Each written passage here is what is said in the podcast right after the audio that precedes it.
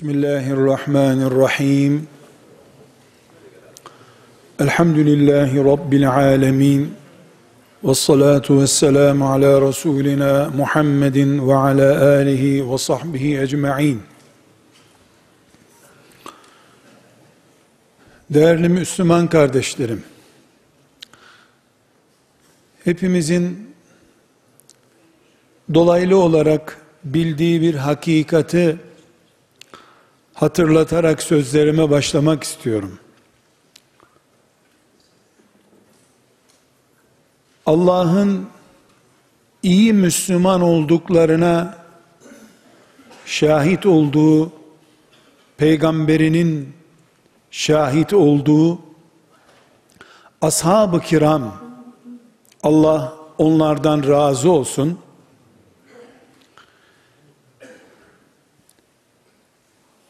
Bugün bizim hoca efendi,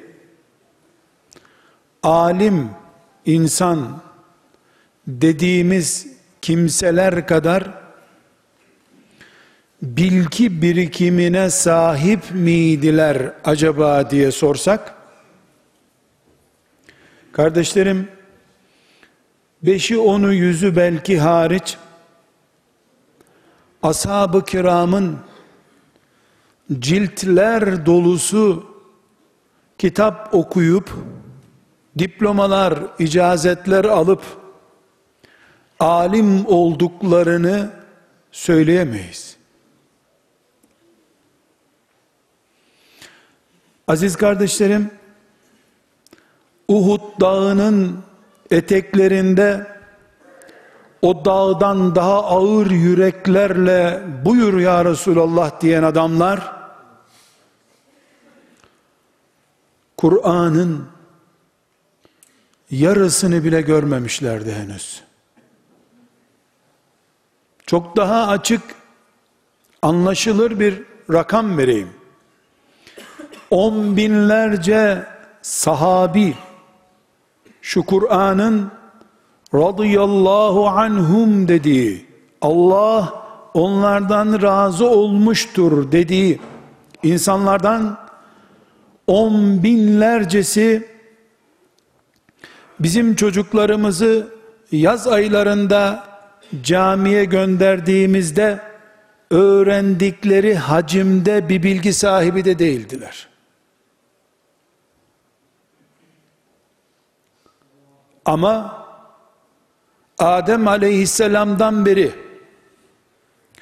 yeryüzünde yaratılmış bütün insanlardan peygamberler hariç daha iyi bir kulluk yaptılar Allah'a. Allah'ın peygamberler dışındaki en iyi kulları olarak Rablerine kavuştular. Kardeşlerim, tekrar ediyorum. Bizim yaz aylarında değil böyle camilerde senelerce ayet hadis dinlemişler. Yaz aylarında çocuklarımızı camiye gönderip de imam efendilerin onlara öğrettikleri din bilgisi kapasitesinde bile bilgi sahibi olmayan on binlerce cennet kuşu sahabi vardı. Herhangi bir sahabi belki Ebu Bekir ile Ali radıyallahu anhuma istisna olabilir günlerce aylarca Peygamber aleyhisselamın yanında kalıp ondan özel ders görme fırsatı hiçbir zaman yakalayamadılar. Ya filan yolculuğa giderken devesi onun devesinin yanından geçerken gördü yahut da filan konuşmayı yaparken ya da cuma hutbesini irad ederken ya da bir ayetin indiğini açıklarken bir on dakika Resulullah'ı dinleyebildiler. Aleyhissalatü vesselam. Onu merak edip iman etmek için gelenler de saatlerce onunla oturamadılar. Onu öldürmek için yola çıkıp da iman ederek geri dönenler bile saatlerce ikna turlarından sonra Müslüman olacak kadar onunla oturup kalkma fırsatı bulamadılar. Hanımları bile, annelerimiz bile günlerce baş başa kalma fırsatı bulamadılar onunla. Ama kardeşlerim, kardeşlerim, mümin kim sorusunun en berrak cevabı onlar. En iyi namazı kıldılar. En güzel orucu tuttular. En güzel şehadetlerle Allah'a kavuştular. İnfakın en cömertini yaptılar. Hicretin en delikanlıcasını yaptılar. Allah deyince bütün göklere kanatlanıp uçacak kadar yürek ve heyecan doldular. Kur'an kitabımdır dediğinde onlardan herhangi biri sanki Kur'an sadece ona inmiş gibi Allah'ın kitabını sahiplendiler. Biz ise on binlerce çocuğumuzu hafız yetiştirdiğimiz halde yüz binlerce gencimizi okullarımızda, medreselerimizde İslam bilgisiyle donattığımız halde o heyecanı sadece ashab-ı kiramın hayatını dinlerken anlayabiliyoruz. Eğer anlıyorsak. Burada kardeşlerim, herhalde herhalde onlara inen Kur'an'la bize inen Kur'an arasında bir fark yok. Peygamber aleyhisselamdan dinledikleri hadisleri biz de dinliyoruz. Ama bir farkımız var. Ne diyor sahabi? Nasılsın Sevban diye sorduğunda Efendimiz iyiyim ya Resulallah diyor. Akşam eve gittim sabaha kadar Rabbimle beraberdim. Cennetlerdeydim. Rabbimin arşını seyrettim diyor. Sen ne dediğini duyuyor musun diyor Efendimiz sallallahu aleyhi ve sellem. Duyuyorum ya Resulallah. Sen mescitte anlattın ya arşı. Ben gittiğimde evde o arşa iman ederek sabaha kadar Rabbimin arşına bakar buldum kendimi diyor. Aziz kardeşlerim, sır burada. Mescide Resulullah'ı bir kere görebilir miyim diye gittiler aleyhissalatü vesselam. Bir cümle duyabilir miyim diye gittiler. Ama o cümleyi duymazsam ben öleceğim der gibi dinlediler onu. Vaaz dinlemek için değil. Söylediğini hemen hayata geçirmek için. Boğuluyorum. Tutun elimden diye bağıran birisine uzatılan bir eli tuttuğu gibi Resulullah'ın elinden tuttular sallallahu aleyhi ve sellem. Yaşlandığı için hacca gitmediler. Vurduk kırdık bir de Mekke'ye gidelim toparlayalım bu işleri diye gitmediler. Boğuluyorum cahiliyede kurtarsın beni Resulullah diye tek bir söz dinlediler. Bir söz onları iman ettirdi. İman ettirdikten sonra mükemmel Müslüman yaptı. Sonra da şehit veya gazi olarak Rablerine kavuşturdu. Burada bize bir mesaj var. Belki binlerce sahabiden daha fazla biliyoruz Kur'an ayetlerini. Ama bir ayet bilip Rabbine en iyi mümin olarak kavuşan gibi bir hayat yaşayamıyoruz. Keşke, keşke tek bir hadis bilsek de o hadis tepeden tırnağa kadar bütün hayatımızı Resulullah'a bağlasaydı.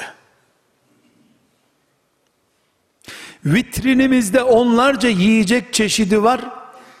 Gıda sıkıntısı çekiyoruz. Öbürünün de bir dilim ekmeği var, karnı tok dolaşıyor. Bu buna benziyor. Çok biliyoruz, pratiğe uyarlamıyoruz. Az biliyorlardı, Allah'ı bulacak kadar biliyorlardı. Elbette kardeşlerim, çok bilgi sakıncalı az bilelim demiyorum. Bu bildiklerimiz bizde ne oluyor diye soruşturuyorum. Bugün burada İslam dininin bazı alimlere göre dörtte bir oranında ağırlığını taşıyan bir hadisi şerif okuyacağım. Onun için anlaşılsın diye bir hadis bir alimin gözünde Ebu Davud'un gözünde İslam'ın ağırlığının dörtte birini taşıyor. Biz bunu buradan bütün Müslümanlığımızın yüzde birini bile oluşturmayacak gibi alıp götürürsek yazık ederiz kendimize. Burada dinlediğimiz bu hadisi şerifi en azından şu dakikadan itibaren Müslümanlığımızın yüzde yirmi beşini toparlamış olarak dörtte bir oranında bizi Resulullah'a yaklaştırmış olarak en az sorunlarımızın bir bölü dördünün giderileceği yola bizi sokmuş olarak bu hadisi şerifi alıp götürürsek bu ne demek biliyor musunuz kardeşlerim? Böyle bir hadisle buluştuğu zaman kendisini Allah'ın cennetinde hisseden sahabinin yoluna girmek demektir. Peygamber öldürmek için evinden çıkıp o eve Müslüman olarak iki saat sonra dönen adamlar ya bir ayet ya iki hadisi şerif dinleyip geri geldiler. İspat etmiştir ki Allah peygamberinin ağzından çıkan ayetler peygamberinin ümmetine nasihatleri olan hadisi şerifler yüzlerce insanın kanına bulaşmış katil ruhlu şarapçı zinacı insanları bile kendi çocuklarını kız çocuklarını toprağa gömecek diniyetteki insanları bile melekleştirip evlerine çevirmeye muktedirdir. Bu ispat olmuş bir gerçektir. Bunun için biz Resulullah diyor ki sallallahu aleyhi ve sellem diye başlayan bir cümleden sonra bütün alıcı kudretimizi devreye sokup ne diyor diye hareketlenmezsek eğer ashab-ı kiramla aramızdaki uçurum mesafesindeki farkı kapatamayacağız demektir.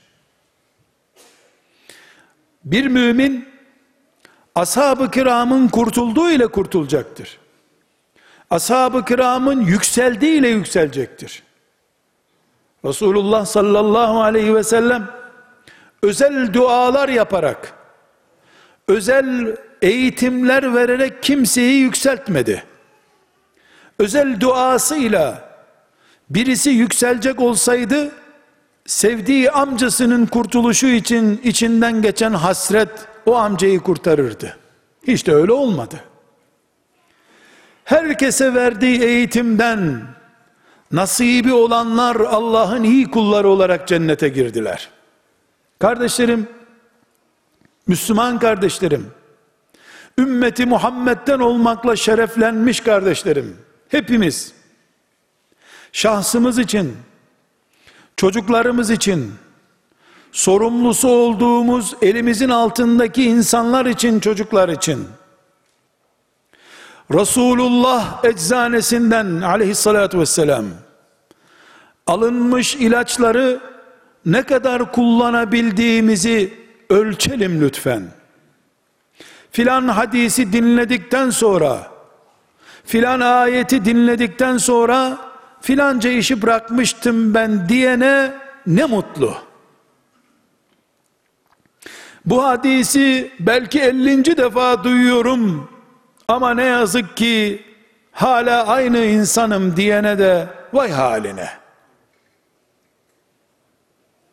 Bir kere dinleyenler meleklerle yarıştılar. 40 kere dinleyenler de bunu duymuştuk başka hadis yok mu der gibi baktılar hadis okuyana. Bunlar kıyamet günü aynı meydanda toplanacaklar hiç şüphemiz yok. Resulullah'ı aleyhissalatu vesselam damarlarındaki kan gibi dinleyenler o olmazsa ben duymam görmem diye düşünerek dinleyenler de dirilecek. Ne diyor? Bu ne demektir? Bu zamanda böyle mi anlaşılır diye sorgulayanlar da dirilecekler. Allah adaletiyle muamele edecek, rahmet ve lütfuyla muamele edecek de inşallah hepimiz kurtulacağız diye umut ediyoruz. Lütfen aziz kardeşlerim, şimdi bu hadisi şerifi muhaddislerin İslam'ın ağırlığının dörtte biri bu hadistir dedikleri dikkat ediniz. Cennet ve cehennemle ilgili ahiretimizle dünya ve ahiret saadetimizle ilgili İslam dinimizin ağırlığının dörtte biri bu hadistir.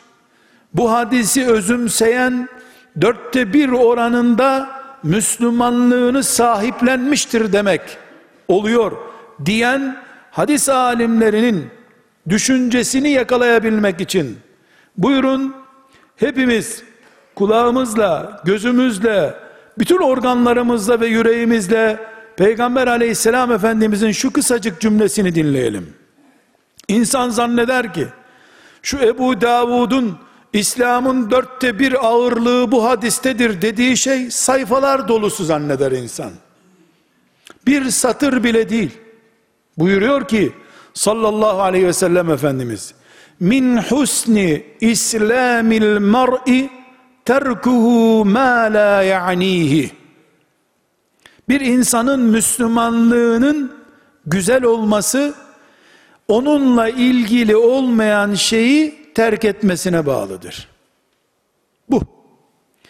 Bu hadis alimlere göre Müslümanlığın dörtte bir yükünü taşıyormuş. Nedir bu dörtte bir yük taşıyan, İslam'ın dört kolanından birisi olan bu hadis neymiş? Müslüman kendisiyle ilgili olmayan şeyleri terk eder. Her şeye burnunu sokmaz Anadolu deyimiyle. Böyle Müslüman güzel Müslümanmış.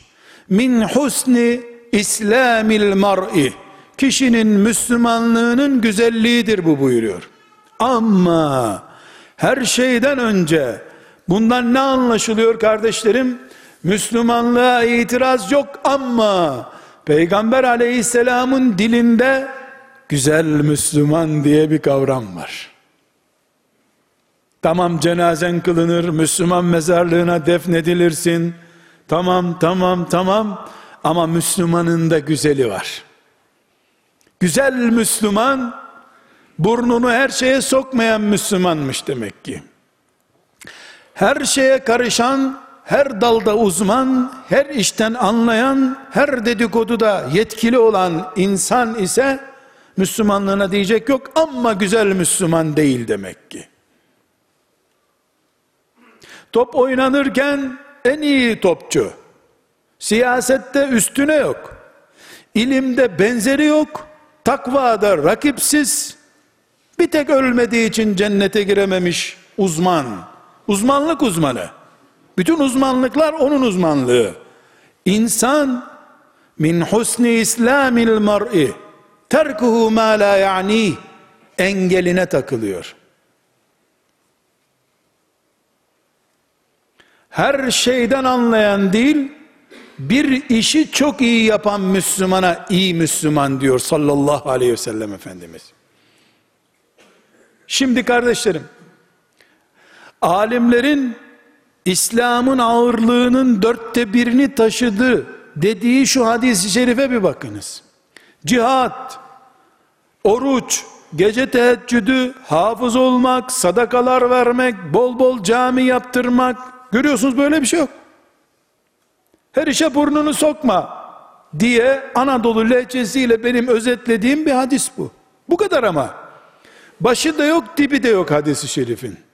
Yani yukarısını kısıp aşağısını kısıp ortadan bir cümle de almadık. Min husni islamil mar'i terkuhu ma la ya'ni.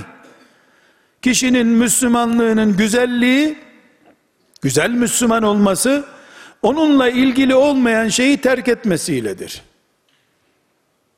Her işe karışan, her işten anladığını zanneden Müslüman, başı dertten bitmeyen Müslümandır çünkü. Kardeşlerim, bu akşam burada bu hadisi şerifi tıpkı bir sahabinin gelip bir cümle öğrenip meleklerle yarışacak şekilde evine döndüğü gibi dinleyebilsek, bugün dörtte bir oranında kaliteli mümin olarak Allah'a kavuşuruz. Dörtte bir az değil ki. Gerisini de namazımızla, orucumuzla yüzde elliyi bulsak girdik zaten cennete. Dikkat buyurunuz. Bu hadisi şerif ek yük getirmiyor. Yükümüzü alıyor. Başını her şeye sokma diyor. Biraz sonra inşallah örnekler vereceğim. Gereksiz yere başımızı dertlere soktuğumuz için aslında Allah'tan da uzaklaştığımız nice örnekler var. Kardeşlerim Adem Aleyhisselam'dan beri insan oğlunun vakit ve kapasite sorunu vardır. Hayat hiç kimseye bol bol yetecek kadar değildir. Emekli insanın da hiçbir işi olmayanın da hayatı ona yetmeyecek kadar dardır. Bir de buna iyi Müslüman olmak, Allah'ın rızasını kazanmak gibi ek bir branş getirince herkesin en hassas ölçülerle hayatını, vaktini, kimliğini ve birikimini kullanması gerekir. Bunun için meleklerle yarışacak bir ümmet yetiştirmek isteyen Peygamber sallallahu aleyhi ve sellem Efendimiz seninle ilgili olmayan bir işle uğraşma, vaktin sana kalsın demek istemektedir. Biz şimdi vakit deyince saate bakıyoruz, yo 3 saatim daha var diyoruz. Öyle değil kardeşim. Sadece 24 saatlik vakti konuşmuyoruz.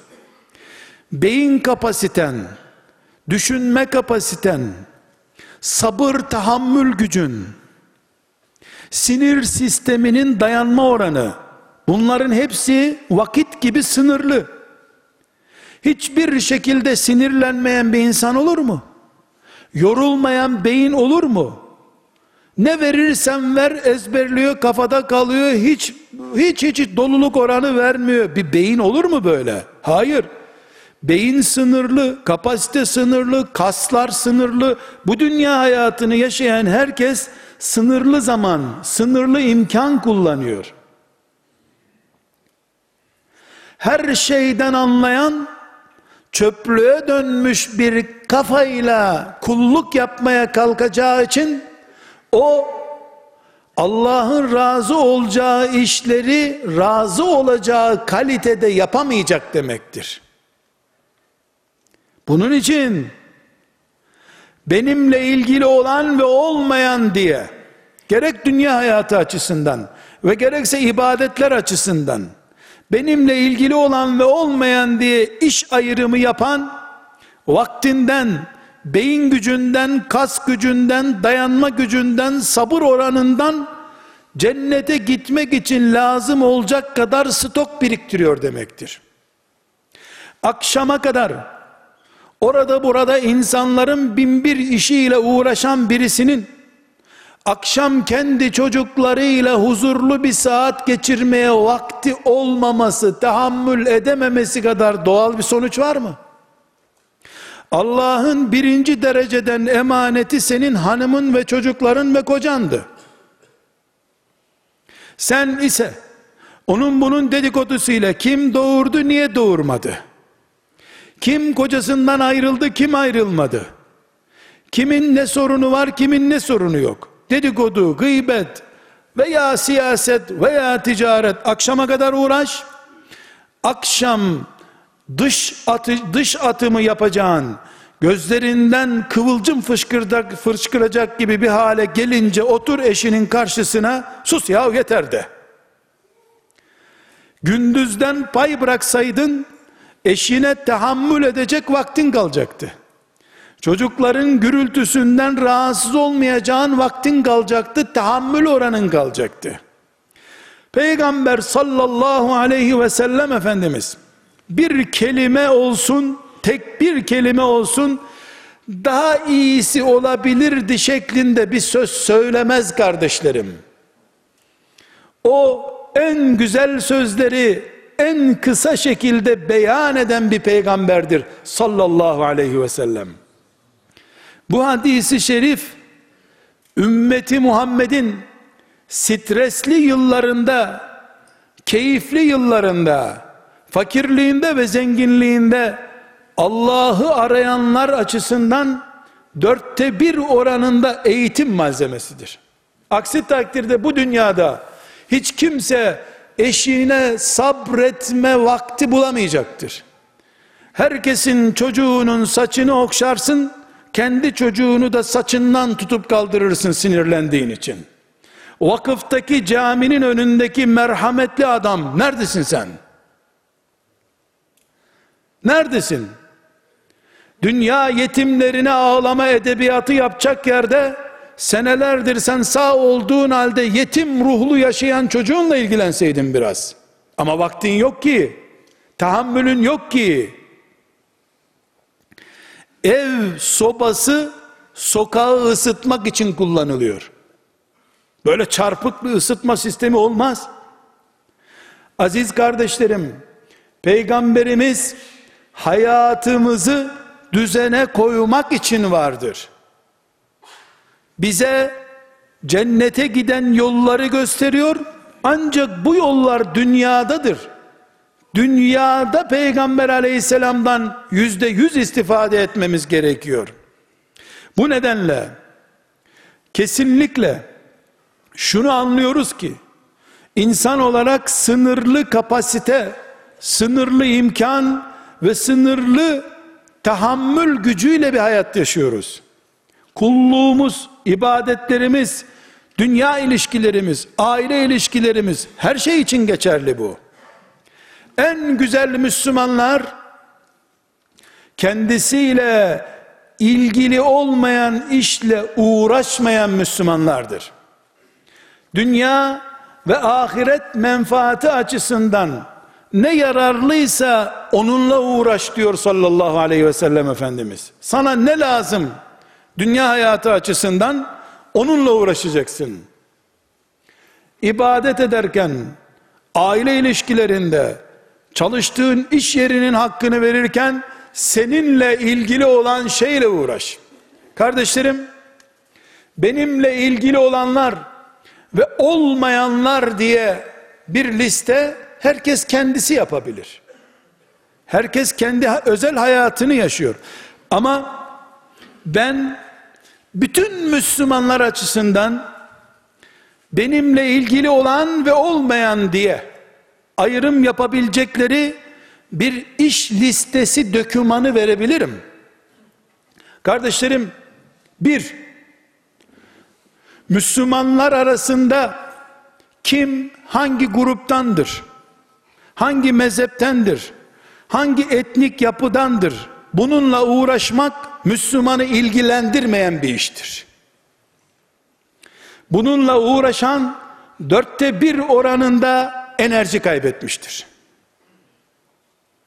Dörtte bir oranında enerjini kaybettin demektir. Çünkü biz ümmeti Muhammediz. Sallallahu aleyhi ve sellem ümmeti Muhammed'in içinde bir parça ümmet değildir. Kabe'nin herhangi bir taşı değerlidir ama Kabe değildir. O taşların bütününden Kabe ortaya çıkar.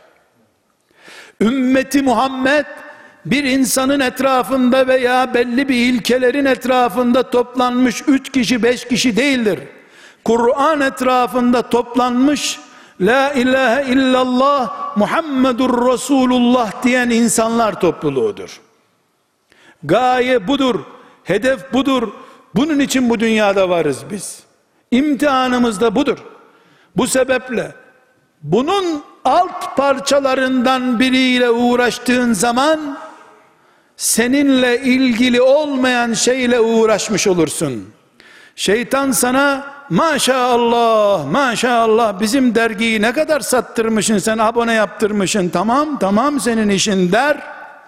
Allah ise senden kıyamete kadar baki Kur'an ve Peygamber aleyhisselamın etrafındaki döndüğün ekseni peygamber olan davanın etrafındaki döndüğün tur sayısına bakacak.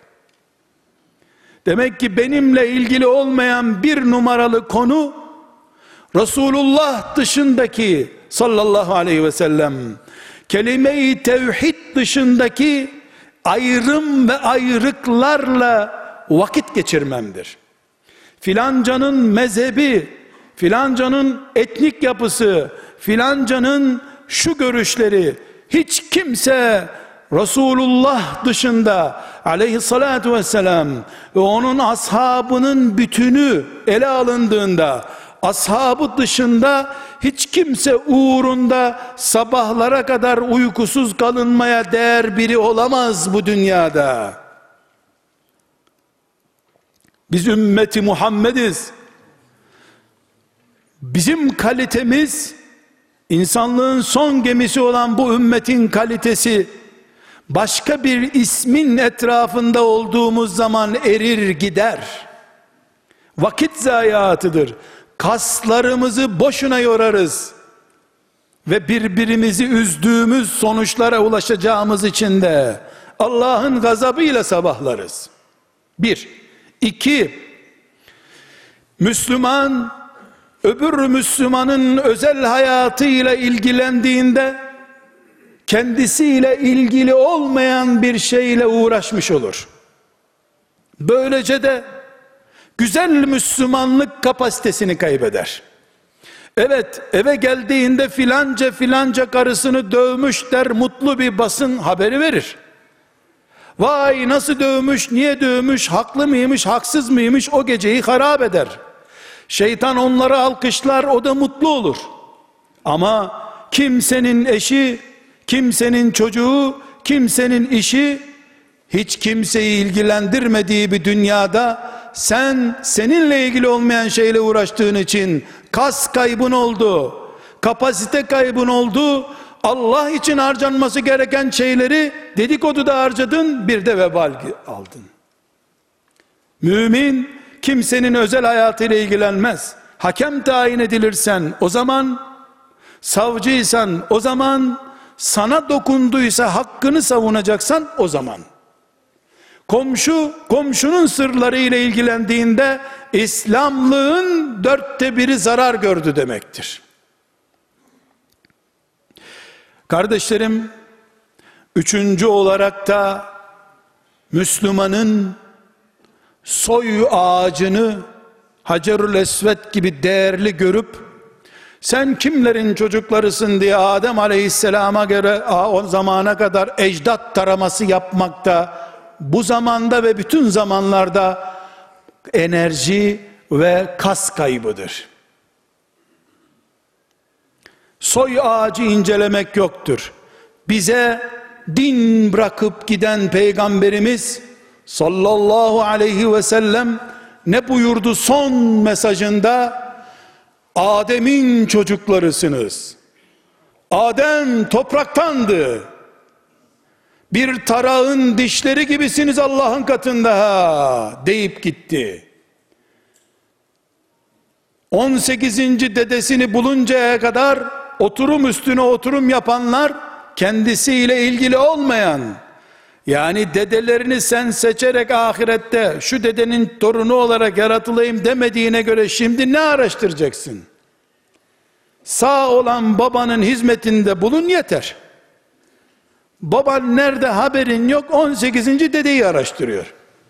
Kendisiyle ilgi olmayan dörtte bir oranında çökmesine neden olacak olan şeytan yatırımı bu.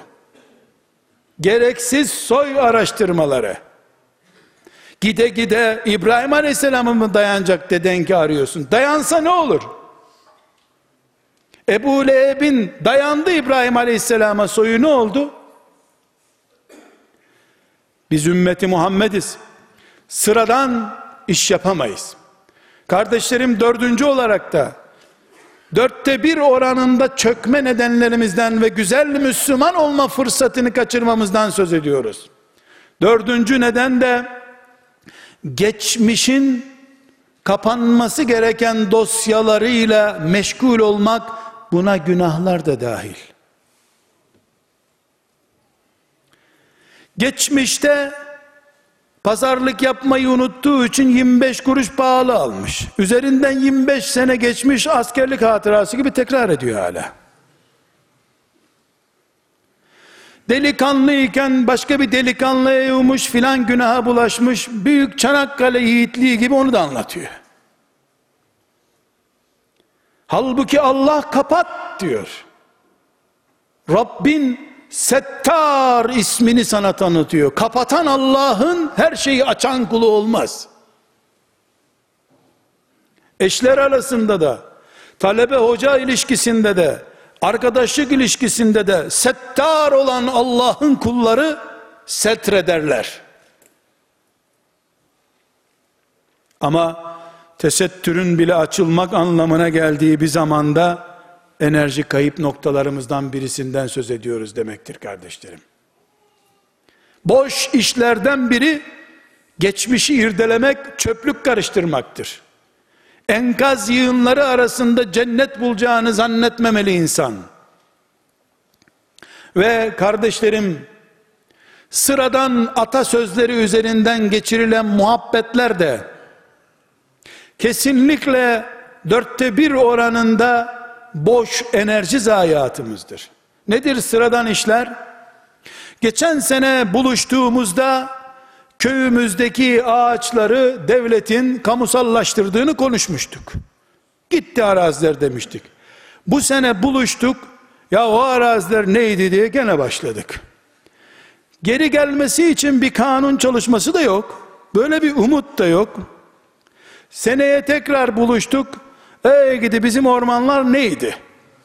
Ormanlar büyüdü, odun oldu, talaş oldu, hala orman muhabbeti devam ediyor. Bizim köy, bizim köy mübarek. İbrahim Aleyhisselam'ın doğduğu köy sanki bizim köy. Boş sözler bunlar. Ben futbol seyredilir mi, edilmez mi bunu konuşmuyorum. Konuşsam yani kalbi kırılan gençler mi olur diye merak da etmiyorum ama bu kürsüyü futbol konuşmaya uygun bulmuyorum. Ama şunu da söylemesem kıyamet günü yakama yapışan çok olur. Bir insan Ankara'da otururken televizyonda İstanbul'da oynanan bir maçı seyredip vursana tam oradan sağdan vur diye bağırır mı?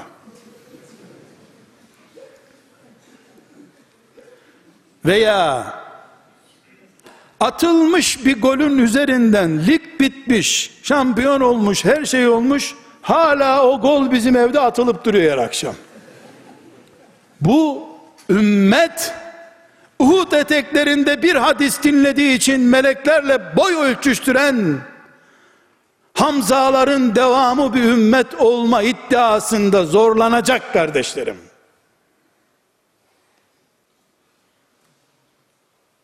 Meşguliyet alanlarımız kesinlikle çok önemli.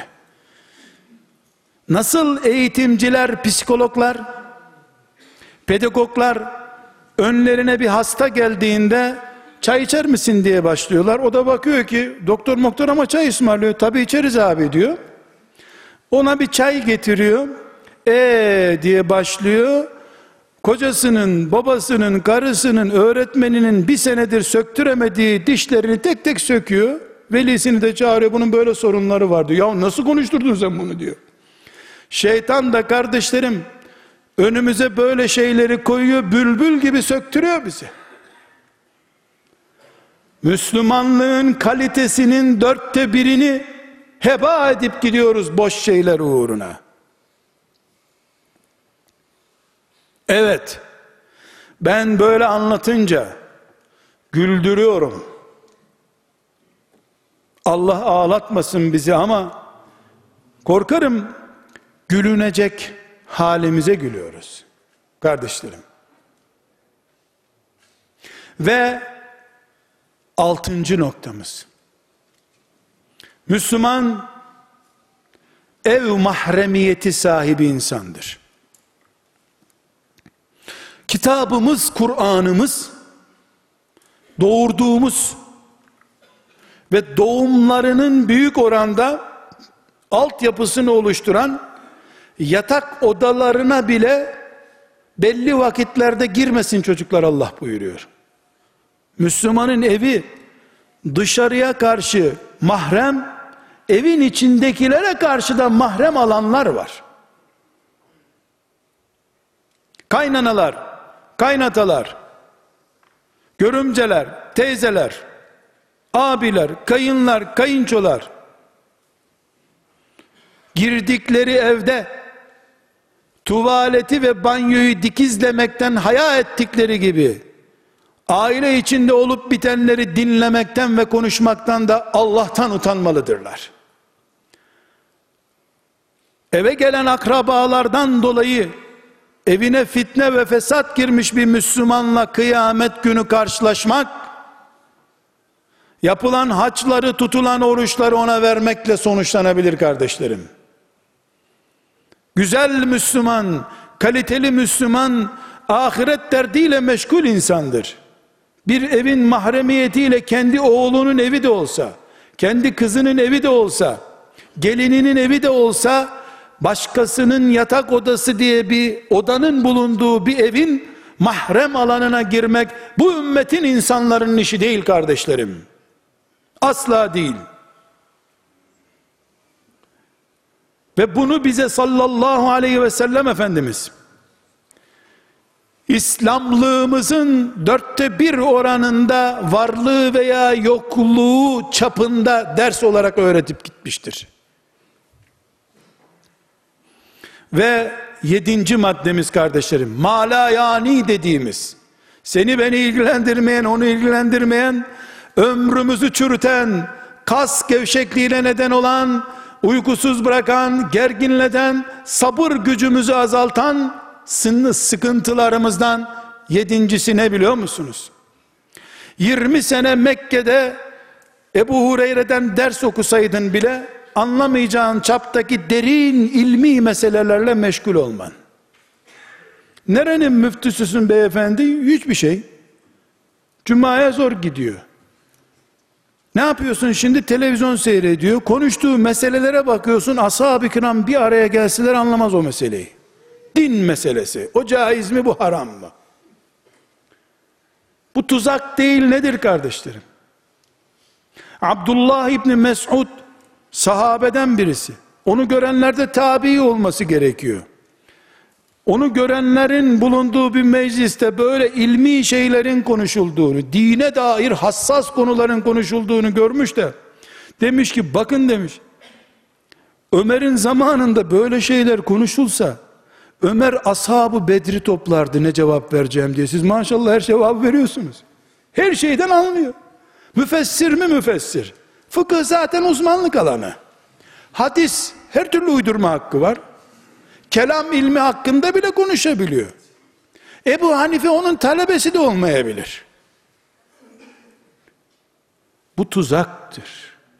Doktorun cerrahi aletleriyle oynuyorsun dikkat et. Elini keseceksin. Gözünü çıkaracaksın. Sen krem sürmeyi bile bilmiyorsun. Doktorun teknolojik cihazlarıyla oynuyorsun. Kaç yıl medreselerde eskidin. Yahu konuştuğun kitap Allah'ın kitabı be. Bana göre diye başladığında e, 30 tane tefsir yazmış bir adama benziyor. Öyle cüretli konuşuyor ki. Bu tefsirler hep bunun elinden çıkmış zannediyorsun. Kardeşlerim, biz şeytanı kazma ile bizi caminin kapısında bekleyecek zannediyoruz. Elinde musafla bekliyor olabilir dikkat edelim. Dörtte bir musafla çökertir bizi. Bana göre dersin ancak Allah'ın ve peygamberinin konuşacağı bir şeyde ölüp gidersin. Bu meseleyi sen burada okuyorsun. Bu tefsir konusunu okuyorsun. 20 sene daha ömrün olsa 50 sene daha ömrün olsa lazım mı sana bu? Uygulayacak bir alanın var mı? Yok. Ali ile Muaviye niye kavga ettiler? Sen abinle niye konuşmuyorsun 15 senedir? Onu konuştuk mu senle? Senin apartmanında kaç mümin birbiriyle konuşmuyor, ilgilendi mi alt kattakilerle de 1400 sene öncesine gittin? Bir faydası var mı sana şeytanı mutlu etmekten başka? Yok. Senin peygamberin ne diyor? Şeytandan, düşmandan Allah'a sığınır gibi ne diyor? Rabbim bana faydalı olmayacak ilimden sana sığınırım diyor. Bakınız şeytandan Allah'a sığınır gibi faydası olmayacak ilimden sana sığınırım diyor. Şu çok bildiğini zannetmek var ya, o zan iblis denen melunu başımıza bela etti işte. Çok bildiğini zannetti. Ateş toprağı yakar diye bir mantık üretti. O kafayla hala gidiyor. Ateş oldu gitti öyle. Faydalı bir şeyle meşgul olmak lazım. Kardeşlerim bir örnek vermek istiyorum. Efendimiz sallallahu aleyhi ve sellemin sabit hiç tereddüt edilmeyecek hadisi şerifleri var. Mehdi aleyhisselam diye biri gelecek. Buna inanmamak tehlikeli. Ama tek bir hadisi yoktur. Mekke tarafından gelecek, kuzeyden gelecek, gidin orada bekleyin diye bir hadis yoktur. Nasıl sabahleyin güneş doğacak dedi, güneş doğuyor, biz de namazımızı kılıyoruz doğarsa, doğmayınca da kılmıyoruz namazımızı. Mehdi'ye inanmak var, Mehdi enstitüsü kurup araştırmak yok arkadaşlar. Kardeşlerim, saatlerce ne zaman geleceği belli olmayan, belki gelince seni lanetleyecek bir Mehdi'yi konuşmanın ne gereği var? Kaç hadis okudun?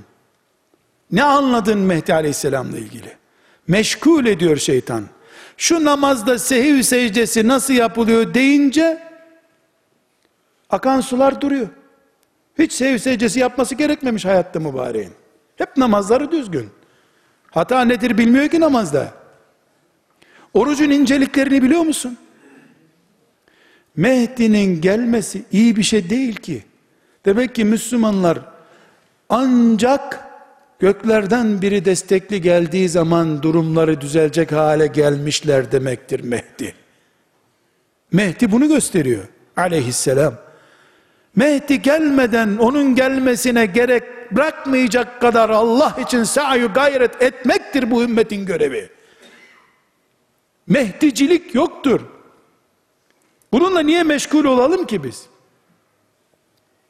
Peki soru Sırat köprüsü asmalı köprü mü olacak? Nasıl olacak sizce? Bunu konuşur mu mümin ya? Mizan olacak, Allah amellerimizi tartacak. Dijital mi acaba? Böyle şeyleri diline alan mümin utanmayacak mı kıyamet günü Allah'tan? Ahiretin ağırlığı, azameti, ürkütücülüğü, Peygamber aleyhisselam efendimizin uykularını kaçırdı. Ashab-ı kiramın uykularını kaçırdı. Bizde çay içerken muhabbet konusu olur mu hiç? İşte kardeşlerim İslam'ımızın dörtte birinin nere gittiğini lütfen görünüz. Gereksiz yere. Bir gereksiz alan daha açayım. Müslümanlar peygamberlerinin varisleri olan alimleri kiloya göre tartarlar mı Allah aşkına ya? Sen buyur alimlerden ol deyince ben daha estağfurullah biz kim ilim kim diyorsun. Ama alim dövüşü yaptırıyorsun. Filancaya kutup dedin. Filancaya yan kutup dedin. Filancaya Kabe dedin. Filan nereden verdin bu payeleri? Allah'tan başkasının bilmesi mümkün değil ki kimin ne olduğunu. Boş işler. Alimlerin, Allah dostlarının dediğini yapsan, ne dövüştürüyorsun bunları? Kardeşlerim, ümmeti Muhammed'e kaplan sürüsü gibi çullandı bütün insanlık. Ümmet, üç tane alimi varsa onların etrafında toplanacak, o alim kime bağlı? Bu alim kime bağlı? O alimin geçmişinde ne var? Geçen gün o alim şunu yaptı mı diye peşinden gideceği adamların her türlü konuşulmaması gereken insani eksikliklerini konuşursa bir Müslüman toplum kimin peşinden gidecek? Biz zannediyoruz ki şeytan kura numarasıyla kimlik numarasına göre filan numara gelsin filan numara gelsin demiyor ki Kimseyi özel davetiye gönderdiği yok. Tenezzül edip bizim gibilerle uğraşmıyor şeytan zaten. Ama alimlerimizi, ümmetin büyüklerini, önderlerini yıprattırıyor gözümüzde. Peşinden gidecek adam bulamıyoruz bu sefer. Neden biz bir akraba muhabbetinde, kardeşlerimizde, arkadaşlarımızla oturduğumuzda böyle bir konu açıldığında kardeşlerim siz ne yapıyorsunuz ya? Ümmetimizin önünde duruyor bu adamlar. Bu zamanın alemi bunlar işte. Niye bunları böyle irdeliyorsunuz? Madem daha iyisini biliyorsun yap. E seni Allah tenkit uzmanı olarak mı yarattı? Kardeşlerim, herkes medyacı, herkes savcı, herkes yetkili, herkes etkili olursa başımıza bela olarak dışarıdan bir düşman aramamız gerekmiyor o zaman. Şeytan beceriyor. Avucunun içinde oynuyor bizimle. İşte şeytan bizimle oynamaya fırsat bulmasın diye sevgili peygamberimiz sallallahu aleyhi ve sellem İslamlığımızın dörtte birini garanti altına alacak mesajını bize vermiştir. Kardeşlerim kapatırken bir örnek vereceğim. Min husni islamil mer'i terkuhu ma la yani. Müslümanın güzelliği onunla ilgili olmayan şeyi terk etmesindedir hadisini de nasıl uygulayacağımızı anlatacağım. Efendimiz sallallahu aleyhi ve sellemin bir hadisi şerifi var. Buyuruyor ki kimseden bir şey isteyip almayın. Bir şey almayın kimseden buyuruyor. Ne demek bu? Onurlu olun yani istemeyin demek. Bunun bir başka manası yok değil mi? Elin böyle olmasın böyle olsun. Veren el olun alan el olmayın diyor. Bu sözü çok meşhur bir hadis-i şerif olarak ashab-ı kiram dinlemişler. Buyurunuz, buyurunuz, felsefe ile din anlamaya çalışan bir nesil olarak ashab-ı kiramın ne kazandığını ve bizim ne kaybettiğimizi görelim. Kardeşlerim, bu gece kendimize bu hadisi uyarlarken şu min husni islamil mar'i hadisini uyarlarken inşallah şu örnek üzerinden uyarlayalım. Sahabeden birisi hayvanıyla yola gidiyor. Hayvanı dürtmek için bir kamçısı var ya kamçı yere düşmüş. Hayvan öyle kolay atlayıp binilen merdivenli bir mahluk değil. Oradaki gençlerden biri de eğilmiş, yere düşen kamçıyı almış, attaki sahabeye veriyor. Bırak onu oraya oğlum demiş. Resulullah bize kimseden bir şey almayın dedi. Ben onu senden almayayım. İnmiş, kamçısını almış, tekrar binmiş hayvanla. Bir söz dinleyip nasıl göklere doğru kanatlandılar böyle işte. Halbuki bu o demek değil zaten. Yani dilenmeyin, kimseden yardım almayın demek bu. Bunu peygamber dediyse kendi kırbacımı da almam emanet kimseden. Peygambere böyle uyulur. O şunu demek istemiştir, bunu demek istemiştir diye bir kapı açtın mı sen, sana hiçbir şey demez peygamber bir daha. Hep şöyle demek istemiştir o zaten. Bu hadisi şerifi kardeşlerim, min husni islamil mar hadisini eve götürüyoruz. Ailece, evlatlarımızla, dostlarımızla, kardeşlerimizle, dünyadan kopmamak şartıyla, işten güçten ayrılmamak şartıyla, ateşin içine gireceğiz, yanmayacağız. O şartla, Allah'ın izniyle, bu hadisi hayatımıza ne kadar uyarladığımıza bakıyoruz. İnşallah bir dahaki yıl Rabbimiz bugünü bize gösterdiğinde en azından dörtte bir oranında takviye edilmiş bir Müslümanlıkla Rabbimizin huzurunda olacağız. Ve sallallahu ve sellem ala seyyidina Muhammed ve ala alihi ve sahbihi ecma'in velhamdülillahi rabbil alemin.